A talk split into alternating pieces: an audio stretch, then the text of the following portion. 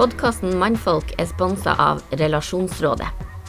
Vi i Relasjonsrådet vi opplever at stadig flere menn tar kontakt, enten for å få hjelp med forhold som skranter, men kanskje spesielt for å få hjelp til sexologiske problemstillinger, som for tidlig sædavgang eller forskjeller i seksuell lyst og tenning. Ta kontakt med oss på relasjonsrådet.no i dag. Sønn av kanskje Norges best kjente kvinnelige skuespiller Wenche Foss. Eh, Fabian Stang med oss eh, på dagens episode av Mannfolk.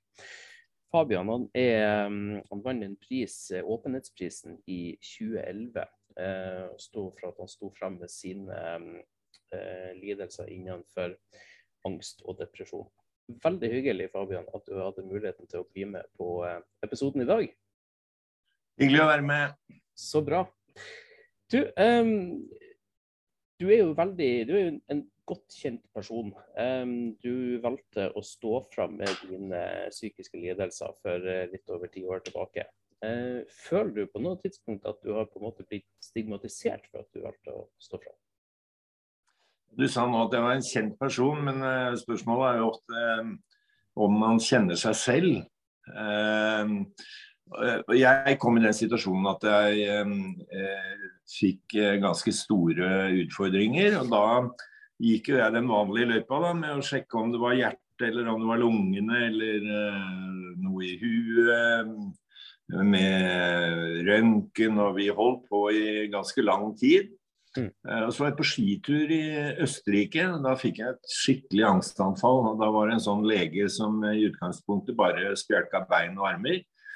Men han sa det at du sliter skikkelig psykisk, han, og det var den første, første som sa det til meg. Så, og det var et ganske langt løp, langt lerret å bleke. Men eh, til de spørsmål om jeg er blitt stigmatisert, ja. Det var jo i hvert fall den gangen sånn at det å slite psykisk, det var noe man ikke snakket om. Det var tabubelagt, og det var skam. Men jeg tenkte at eh, i og med at mor var forholdsvis kjent, så var jeg jo ganske vant til ulike rykter om, eh, om vår familie. Så jeg fant ut at jeg jeg ville ikke klare både å komme meg psykisk og skjule at jeg slet. Sånn at, eh, for det ville for meg bli en dobbeltdiagnose. Så jeg var ganske åpen fra første dag. Og, eh, og det er klart at eh, jeg, jeg, vet jo at det ble tisket og hvisket eh, rundt meg, og mange som som hadde sterke meninger om det. Men så tror jeg det etter hvert vokste frem en, en anerkjennelse av at noen tør å, å, si fra. For vi er mange som sliter. og Det er ikke noe mer gærent i å, å, ha en depresjon enn å ha en blærekatarr. Så, så jeg syns, eh, jeg syns for meg var det riktig å være åpen. Men hva var dine første tanker når at legen sa Fabian, jeg tror kanskje du sliter psykisk? Nei, Det var jo det vanlige. det med Er jeg gæren? Hva er dette for noe? ikke sant? Hva er grunnen til det? Hva, er, hva har jeg gjort for noe feil? Det var gjennom alle de, de vanlige tingene. Mm. Men men, så ble jeg såpass dårlig at uh, det, hva det kom av, ble i grunnen ganske uinteressant. Det var mer spørsmål om hvordan komme igjennom det som, som tok min interesse. Ja. Eh, du nevnte at du var gjennom det vanlige, som hjerte, som lunger, som hode. Altså, det, det var mange ting gjennom. Jeg kjenner meg jo veldig godt igjen. Jeg har jo hatt alt fra svulst på hjernen til hjerteinfarkt til kreft i magen. Jeg har jo hatt det meste, egentlig. Før man jeg skal ikke si at man fikk et sånn aha-opplevelse, men man, man, skjønte at her er det faktisk hodet som, som, det er noe feil med. Um, hvordan, hvordan oppfatta omgivelsene eh, rundt deg når du slet med både eh, hjerte og lunger og, og hode? De, de, er jo ganske lett å forholde seg til, egentlig. Altså når, du, når, du, får et angstanfall og ikke vet hva det er, så får du jo eh, hjertebank, du, får, du svetter, du blir svimmel. Du, eh, du får en rekke sånne symptomer, og de, de, er liksom helt greit. Da får du en time, og så gjør du en hjerteundersøkelse, og så Eh, kan alle spørre hvordan gikk det, og hva, hvor mye hadde du i puls. Og, ja, det, det, er liksom kult og greit å forholde seg til. Mm. Men når konklusjonen da ble at jeg slet psykisk, så er det klart at spørsmålene ble litt mer borte. I hvert fall for de som var perifere. Turte ikke å snakke om det, var redd for å si noe gærent. Jeg ble usikre. Så det har vært mye lettere å forholde seg til hvis det var en hjerteklapp som måtte byttes. Mm. Har, kan du se tilbake på noen komiske episoder som et resultat av, eh, av, av angsten? Nei, nei det, det, tror jeg ikke jeg kan. Men jeg, eh, men jeg lærte meg vel etter hvert å, å håndtere det på en sånn måte at eh, andre ikke fikk det med seg. Nei, jeg kan, ikke, jeg kan ikke huske noe sånn noe særlig komisk. Det var jo mer tragisk, syns jeg, med, med, veldig ubehag. Altså, det, er jo en, det er jo en smerte som er nesten uutholdelig. Når du da heller ikke kan eh, sette ord på hva det er for noe, så, så blir det ekstra vanskelig. Det er ikke sånn som hvis jeg skal snakke for min egen del, så har man jo hatt, jo hatt hjerteinfarkt på de mest utrolige plassene. Det har jo vært alt fra i en karusell til mens at jeg kjører bil. Um, så det, det, kommer jo, det, kommer jo, når som helst og hvor som helst. Uh, du er jo en, en, eh, advokat. Du opplever jo kanskje situasjoner hvor du, eh, hvor du blir pressa, hvor du har et, en stressa omgivelse. Har du noen gang opplevd å få det på en sånn, kall upassende, dårlig tima setting? Jeg syns aldri det passer, jeg. Men eh, Nei, jeg husker en gang hvor jeg skulle, skulle prosedere for Høyesterett. Det mm, var jo sånn for oss å få prøven for Høyesterett, det var, var, viktig i våre liv. Det er jo fortsatt bare noen, noen få advokatene som får. Men jeg hadde nå fått en, en, sak og skulle, skulle prosedere. og så var jeg ute i litt god tid, og så fikk jeg et eh, skikkelig angstanfall før jeg kom inn i salen. Og, og, slet med det. Og så kom det 40 studenter inn i den samme gangen.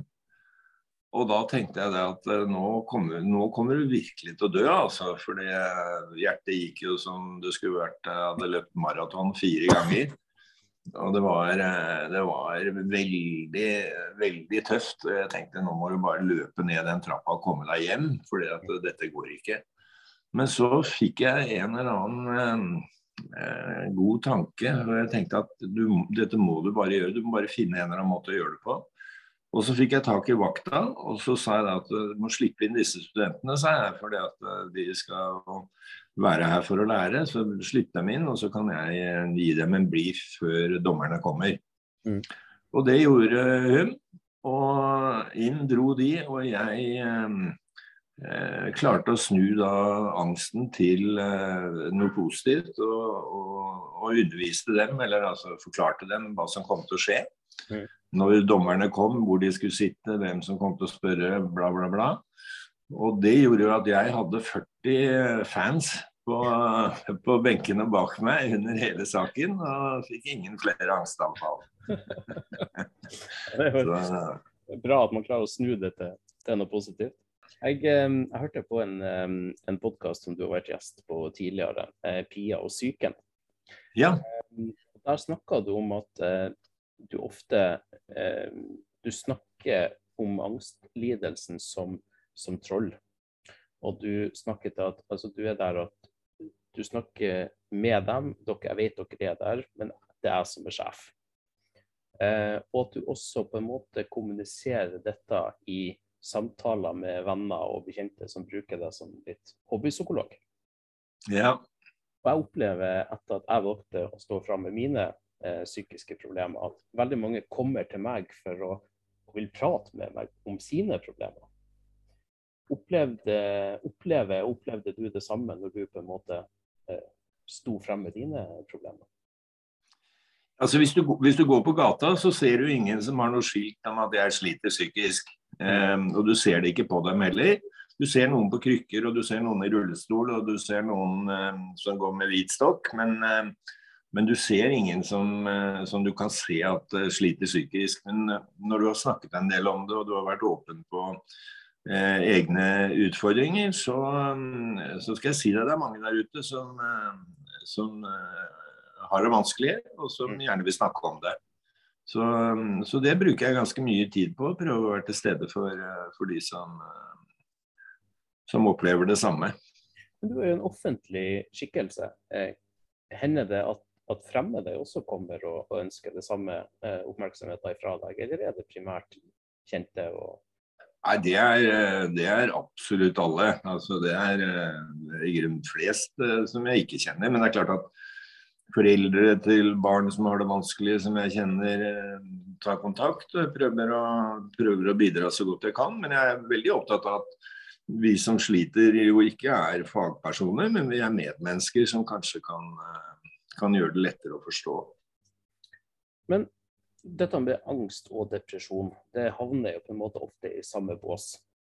Eh, for meg i hvert fall så, er det jo to veldig forskjellige ting. Du har ofte snakka om, om, depresjon. Kan du på en enkel måte forklare en forskjell mellom en angstlidelse og en depresjon? Det, jeg, jeg, er som sagt ikke noen fagperson, men jeg har en følelse av at angst og depresjon går litt hånd i hånd, men at det er to forskjellige vesener. Mm. Um, og depresjonen opplever jeg som det store, sorte hullet som gjør at du Eh, bare det å stå opp og bytte sengetøy er liksom en, en oppgave det har vært lettere å, å dratt til månen når du var frisk. Eh, det å ha overskudd til å gå til venner eller overskudd til å invitere noen eller gå på teater eh, blir helt borte. Ja. Eh, mens angsten kommer jo mer eh, på besøk overraskende. Depresjonen pleier å være ganske steady, mens angsten kommer i voldsomme, voldsomme tak. Ja. Og, og, angsten er jo er jo, er jo et troll. altså det, det er en, en, forferdelig venn å ha. Men, og, og, det vi gjør når vi, når vi, får et angstanfall, det er jo at vi knyter oss for å prøve å beskytte oss. Liksom, Eh, skjermer oss mot angsten og prøver å kjempe imot. Der har jeg lært at det går ikke, fordi da kommer den bare oftere og oftere. Hvis du prøver å unngå den, så, så isteden så skal man prøve å bare åpne opp, gjøre seg sårbar og si OK, hvis du absolutt må komme nå, så får du heller gjøre det. Jeg er ikke, ikke redd for deg, jeg vet hvordan det kommer til å virke, men uh, du får ikke kontroll over meg. Og så prøve å jage trollet på den måten. Og til slutt så sprekker det. Mm. Merker du sånn som kan jeg spørre, er det, er det lenge siden sist du hadde et, en depresjon eller et angstanfall? Nei, altså, jeg må nok innse at dette er noe som følger meg gjennom uh, hele mitt liv. Jeg, uh, har ikke noe tro på at jeg blir, uh, blir, endelig ferdig med det. Men det er klart det er jo bedre og, og dårligere perioder, og så må man gjøre det beste ut av det. Jeg tenker det er veldig, veldig, viktig det du sier der i forhold til at det blir med resten av livet. Um, for jeg tror jo kjappere man kan akseptere at dette er faktisk en kall det venn eller uvenn som, uh, som man har med seg uh, resten av livet, jo bedre er det for en. For en, en klarer egentlig, har jeg merka for min egen del, aldri å bli helt, helt kvitt. Og hvis at jeg går den lengre perioden uten å ha et angstanfall, så ligger jeg på en måte og tenker nå kommer han kanskje. Nå kommer han. jo lengre perioder du har uten, og jo mer du klarer å akseptere at den kan komme, jo kanskje mindre sjanse er det for at den kommer. Hvordan var egentlig du som, uh, som barn i forhold til den, uh, den, den sosiale profilen som, som mora di hadde? og Merka du på noen måte at det ble stilt mer forventninger til deg? Hadde du ei høy list du måtte hoppe over, eller følte du at du var som, som alle andre? Jeg har nok eh, dessverre aldri følt at jeg har vært som alle andre. Jeg har vel savnet det veldig, å være, være vanlig. Men um, jeg var vel sånn barn som hadde alt, men ingenting å ha det i. Um, apropos barn å ha det som alle andre. Vi, vi bodde en stund når barna mine var små, de første kull, så bodde vi i et uh, uforskammet stort hus med um, uforskammet stor gjeld også for øvrig, med svømmebasseng innendørs og greier. Eh, og det, min yngste sønn var liksom to år hvor han ikke hadde med noen hjem i det hele tatt. Mm. Og så, og så spurte jeg da hvorfor har du ikke med noen hjem. Nei, han syntes det var så flaut at vi hadde så stort hus. Eh, mens noen jo syns det er flaut fordi man har liten leilighet. Eh, så det å være barn, eh, det, det, er jo en krevende øvelse i seg selv. Og det er klart at mor var, var, ganske kjent, og det, det Vi hadde nok glede av det i noen sammenhenger. Jeg fikk nok en del privilegier som følge av det, men jeg, jeg hadde også en del uh, utfordringer med at, at, hun var kjent, og det ble mye fokus på henne, og hvor ble det av, av meg, på en måte. Mm. Mm. Barn må få lov til å være barn. Mest mulig like. Denne podkasten er sponsa av erotikken.no. Sjekk ut vårt store utvalg på nett. Jeg, eh, jeg tenker jo at i den eh, verden med sosiale medier og sånt som man vokser opp med i dag, eh, så opplever kanskje jeg, eller observerer, at alle blir så fryktelig like. Eh, alle skal kle seg likens, de skal eh, være veldig like, de skal delta på det samme. Alt det skal liksom inn i en form. Eh, og vil man da jeg tenker, Vil det ikke øke sjansen for å få rett og slett psykisk lidelse hvis man gjør hva en kan for å passe inn, men man, man klarer ikke å bli lik bestevenninna si eller like det samme som resten av venneflokken? Jeg tror i hvert fall det er ganske krevende å være ung i dag. Mm. Eh, fordi eh, vi, jeg kaller det for vellykkethetens tyranni. Eh, vi er kommet i en situasjon hvor vi jo kan oppnå alt. Altså Vi har sett Røkke, ikke sant? at du kan bli milliardær. Vi har de fineste biler, vi har Det er liksom Alle muligheter er der. Mm. Men det betyr også at hvis du ikke får alt det, så er du mislykket. Mm. Eh, og da er det mange av oss som blir mislykket, for å si det sånn. Hvis vi, hvis vi tror at, eh, at, man må ha alt for å være vellykket. Jeg syns det er skremmende å se hvor, eh, hvordan barna forventes å bli enten advokater eller, eller økonomer. Mm. Eh, mens mange lykkelige mennesker i generasjoner har vært snekkere og rørleggere. Har gjort et fantastisk arbeid. og Trivdes med det. Kunne se på hva de har levert hver dag. Gå hjem, eh, koble av og, og, kose seg. Men nå er liksom ikke det fint nok. og Det syns jeg er veldig skummelt. Det tror jeg gjør at vi kommer til å få mange tapere. Noe om vellykkethet, eh, og det er et tema som jeg snakker veldig mye om i podkasten. Dette må være vellykka, men også det å, å ha lykke i livet. Eh, hva, er, hva, er, lykke for eh, Fabian Stang? det er å være til nytte. Det å det liksom gå og legge seg om kvelden og ha, ha bidratt med noe som gjør at uh, noen andre har det bedre enn de ellers ville hatt det, det, det er lykke for meg. Det er, og, det, og det har jo jeg vært privilegert i forhold til å ha enten jussen eller politikken, som, som, har gjort at jeg har kunnet bry meg og, og kunnet få til noe. Og det, det har vært lykke for meg. Er det ting som du ønsker å gjøre mer av i livet, om det være seg å gå ut og ta en, eh, et glass vin eller en øl med en eh, god venn, eller å reise oftere til eh, et, et sted hvor du føler at her, her, her, er jeg, her er jeg hjemme, her er jeg lykkelig. Gjør mer av det, eller er det mer det at du setter pris på det, det dagligdagse? det, det, det, jeg begynner å bli en voksen mann, og da blir det jo ofte litt enklere ting som er lykke. Eh, vi må ikke, må ikke reise til Hollywood og se på stjernene slå hverandre, og den er sagt. Det må ikke, må ikke oppleve så mye sånt. Men jeg, jeg, jeg, har to barn, jeg har to barnebarn, jeg har en skjønn kone, jeg har en herlig fosterdatter. Uh, det å se dem i sin utvikling uh, syns jeg er spennende. Og så liker jeg godt å snekre litt og male litt og redde i hagen og sånne helt enkle ting. Uh, og så er jeg jo veldig glad for at vi lever i et land hvor det er lov å mene noe. Uh, jeg mener jo noe hver eneste dag. heldigvis ikke alt som kommer på trykk, men jeg, men jeg er ganske engasjert, og det er jeg veldig glad for at jeg får lov til å være. Den første politikeren kanskje som, som sto fram med, med psykisk lidelse, var jo Kjell Magne Bondevik. Um, og så kom jo kom du etterpå. En ting er at ja, å, å stå fram, jeg har psykisk lidelse. Jeg sliter, jeg sliter psykisk.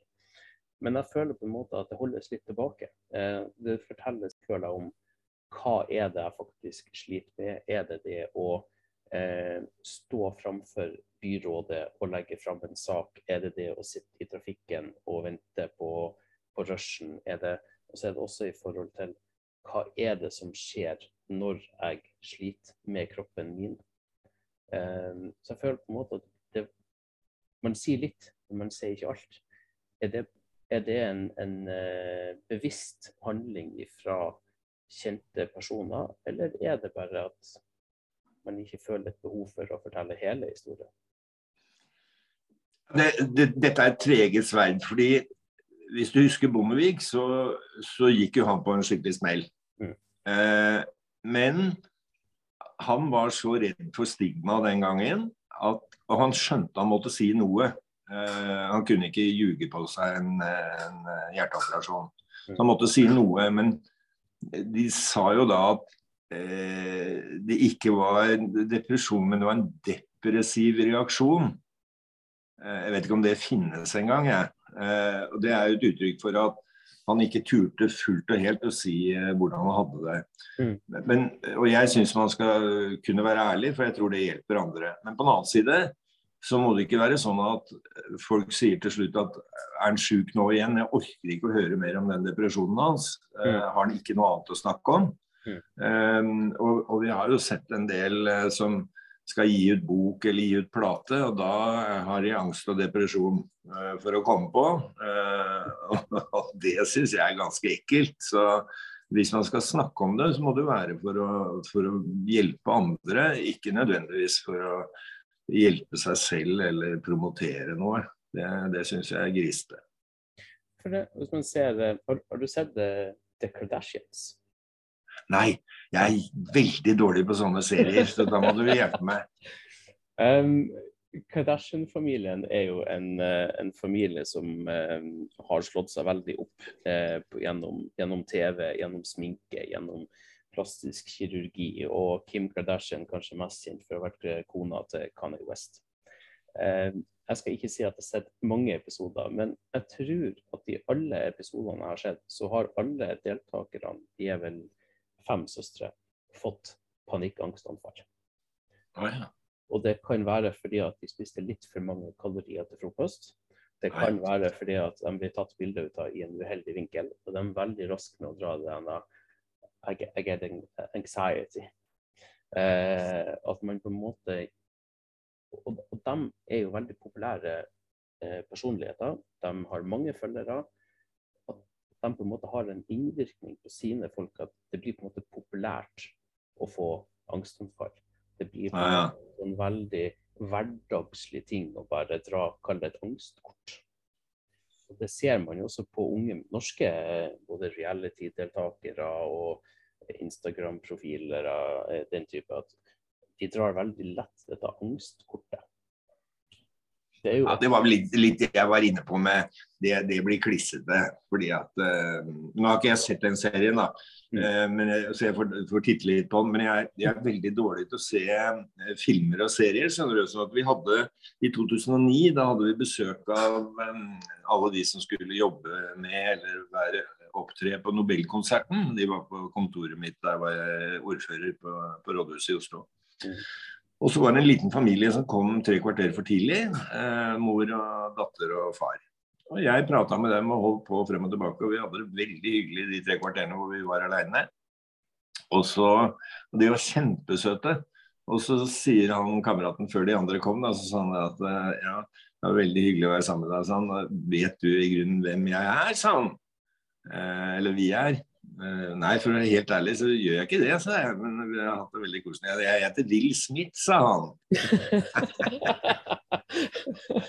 Så, så jeg er litt, uh, jeg litt utafor på sånne ting. Men uh, han viste i hvert fall tydelig at han satte pris på å være sammen med noen som ikke kjente ham, og som bare var naturlig. Kanskje at det var, det, var, det, var, det var, du som fikk litt angst når du ikke visste det, at, uh, i stedet for han? nei, nei, det var jeg helt rolig på. For jeg visste han hadde hatt det bra. Jeg hadde hatt det så gøy med hun datteren når vi hadde ringt på en telefon som egentlig var satt av til eh, Obama. og Vi, ja, vi hadde det kjempegøy. Så, så, nei, jeg var trygg på at jeg hadde levert uh, hyggelig samvær. Ja. Men dette med å, å på en måte skal unnskylde seg med angst. Du var jo inne på det med, med Bondevik. At man kan liksom ikke ta den igjen Å, nå eh, skal jeg høre om den angsten igjen, nå skal jeg høre om depresjonen igjen. og sånn. Eh, hvordan kan samfunnet i større grad på en måte ikke fasilitere de som har de problemene, men å på en måte hjelpe til for at det skal bli mer den sier vanlig, eller det skal være mer plass til en i hvert fall. Jeg tror det er lang vei å gå. Det man kan gjøre, det er å sørge for at arbeidsplasser er skrudd sammen sånn at du kan være der hvis du sliter eh, når du har gode perioder, og så kan, eh, kan få fri, ha noen å snakke med. Sånn at det legges til rette også for psykiske lidelser, på samme måte som det legges til rette for rullestolbrukere og hørselshemmede og blinde. Men eh, det å få et samfunn hvor du kan bare stoppe på gaten og si kan du holde meg i hånda, jeg har et angstanfall, mm. Eh, til en fremmed, det, det er langt frem. Mm. Ja, det, er det, jeg ser sånn som i, i ungdomsskolen så har man jo mer og mer fokus på eh, hverdagsøkonomi. At på en måte det, det, å styre egen økonomi kommer heldigvis mer og mer inn i pensum. Eh, Nå er det en vel å merke noen år siden jeg gikk både på, på, ungdomsskole og videregående, men det var jo aldri snakk om eh, psykiske lidelser i, i, passende fag for det. Det var jo aldri et, et tema. Eh, og det tror jeg òg er med på å gjøre det mer uvanlig enn hva det faktisk er. Eh, veldig mange sliter jo med, med psykiske lidelser. Eh, du som politiker føler du at det er mer eh, du og dine kan gjøre for å lage plass? Eller er det på en måte fortsatt så tabu og stigmatisert at det, at det blir nedtrykt? Ja, de, de, er, jo kommet lenger eh, enn en vi var når jeg var barn. Jeg husker vi hadde en kar i klassen som var, eh, viste seg senere å være schizofren. Mm. Han sto jo alene i skolegården eh, hver dag eh, og tvinnet på den der gymposen sin eh, rundt fingeren. Det eneste var min venn Harald som fulgte han til og fra skolen. Ellers så fikk jo han ingen oppfølging i løpet av de ni årene vi var der. Mm. Vi hadde en jente i klassen som vi mobbet kontinuerlig i ni år. Eh, jeg kan ikke huske hun fikk noe hjelp i det hele tatt. Hun var jo opplagt en som, eh, som slet. Hun bare ble utsatt for vår mobbing hele tiden. Nå har du jo PP-tjeneste og du har uh, ulike bupper og, og, og sånt noe som, som jo um, i mye større grad uh, rykker ut. Men den alminnelige forståelsen hos lærere og elever, den må vi jobbe med hver eneste dag for å få på plass. Mm. Jeg vil litt tilbake til, til oppveksten din. Um, følte du på en måte noen tid en en skam eh, over at sønnen av Wenche Foss eh, har mentale eh, utfordringer? Nei, nei, nei, det, nei jeg hadde jeg hadde bråk nok med henne, hadde jeg nær sagt, eh, på egen kjøl. Så nei, nei det, det, tenkte jeg ikke noe på. Men jeg, jeg, tenkte nok på det at jeg var vant til at folk visste Folk visste jo mer om hva vi gjorde enn vi visste sjøl. Mm. Så, eh, så, jeg var jo, var, jo, var jo, kjent med at det ville bli snakk, det var jeg. Men, men ikke noe egen skam over det. Har du noen gang opplevd at eh, noen eh, snakker Skal ikke si lyg om deg, men at du blir på en måte baksnakka pga. de problemene som du har? Ja da. Ja da. Eh, og husker du eh, selv Otto Jespersen den utmerkede Otto Jespersen, som er jo fantastisk på alle mulige måter, han drev jo med og harselerte med Bondevik. og sa at hvis du nå kunne få det huet ditt en liten stund ut av medisinskapet og styre landet isteden. Eh, og det, det, kommer jeg aldri til å glemme, fordi at Otto Jespersen oppfatter jeg som en veldig ålreit kar og, og, forståelsesfull i forhold til, eh, til psykiatri også. Men, men, selv han måtte harselere. Og det har jeg opplevd også, mange som har fortalt meg at den og den har sagt sånn og sånn, men det har jeg alltid bare sagt at OK, da er det det er synd på vedkommende. Det er å jeg blaffen i. Mm. Jeg har aldri brukt tid og krefter på det.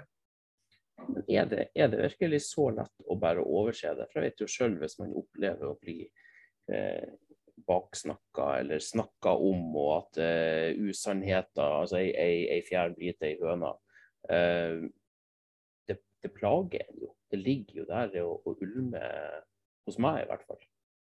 Klarer du bare Altså Én fjær blir ikke bare til én høne eller fem høns, men det blir til en hel uh, hønsegård. Men hvis du prøver å ta et oppgjør med en hønsegård, eh, det blir ikke noe mindre kakling av det.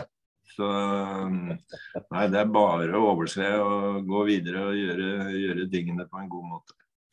Du begynner jo å bli en, uh, en voksen kar uh, sjøl. Um, hva vil du gjøre hva vil du gjøre mer av i livet livets uh, skal, skal, ikke si sluttfase, for så gammel er du faktisk ikke. Men vi, vi, nærmer oss kanskje siste kapittel, i hvert fall. Hva, hva ønsker du å, å, gjøre mer av? Det er, eh, det er, det å bruke dagene på en positiv måte. Mm. Det, å, det å kunne F.eks. få bikkja til å holde kjeft når, når den bjeffer. eller sørge for at den har det bra og ikke bjeffer. Eh, eller ja, noe så banalt som å sitte på en trikkeholdeplass og se de første hestehovene som, eh, som vokser opp, og, og, glede seg over det. Ikke bare tenke på hvor den trikken skal gå hen, hva du skal gjøre da og hva du skal gjøre etter at du har gjort det. Mm. Men, men rett og slett sitte der. Eh, til og med kanskje Eh, hvis sola skinner, sier de at vet du hva, nå lar jeg den trikken eller bussen gå. Og så venter jeg på neste, for nå sitter jeg bra. Nå har jeg ro, nå koser jeg meg med bare å leve. Mm. Det, det, vil jeg gjerne gjøre mer av.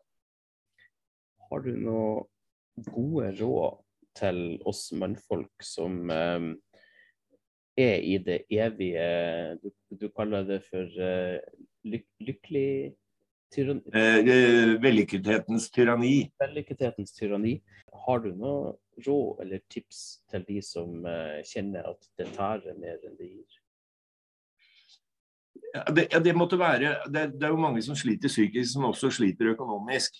Mm. Eh, det er ofte en, ofte en, sammenheng. Så mitt råd da vil være når du står der og skal kjøpe nok en genser eller nok, en, eh, nok et par sko, eller nok en bil eller en båt, så, så tenk eh, Blir jeg lykkelig av det? Eller blir jeg kanskje enda lykkeligere hvis jeg nå lar det være? Mm. Så har jeg isteden litt penger på konto og en buffer eh, som gjør at jeg slipper, i tillegg til å slite, også eh, bekymre meg for økonomien. For vi har et forbruk som jeg ikke tror eh, bedrer sinnets tilstand. Eh, så jeg tok på meg skjorta i dag, og da kjente jeg at den var revna bak her. Og Det tenkte jeg det er et veldig godt tegn, at du har brukt den så mange ganger at den har revna, eh, fremfor å bare kaste og kjøpe ny. Ja. Jeg får håpe at, den, var, at, den var, at den var godt brukt, at den ikke blitt litt liten. At det var det som gjorde det. nei. Å nei, nei, nei. Jeg har gått ned 15 kilo, jeg. Hvordan har det vært eh, under eh, koronatida, hvor man er i større grad isolert og eh, distansert fra omverdenen? Eh, har det vært en positiv greie for deg, eller har det vært en slitsom eh, det å, for meg å ikke være sammen med andre mennesker, det er ikke positivt, enten jeg er frisk eller syk. Eh, jeg har et voldsomt sosialt behov og eh, har tenkt mye på alle andre som, som har det, som, som, har fått livet sitt snudd eh, opp ned.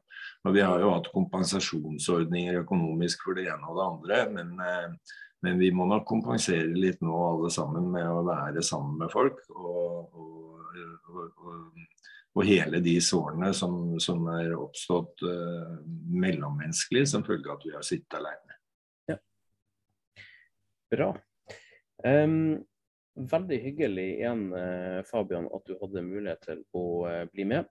Um, neste episode så skal vi ha en, av Norges absolutt få manneterapeuter. Um, da skal vi ha André Fagerheim som forteller litt om manns eh, utvikling gjennom eh, flere hundre, om ikke tusen år. Jeg håper at eh, dere alle sammen blir med oss da, så får dere ha en fortreffelig dag.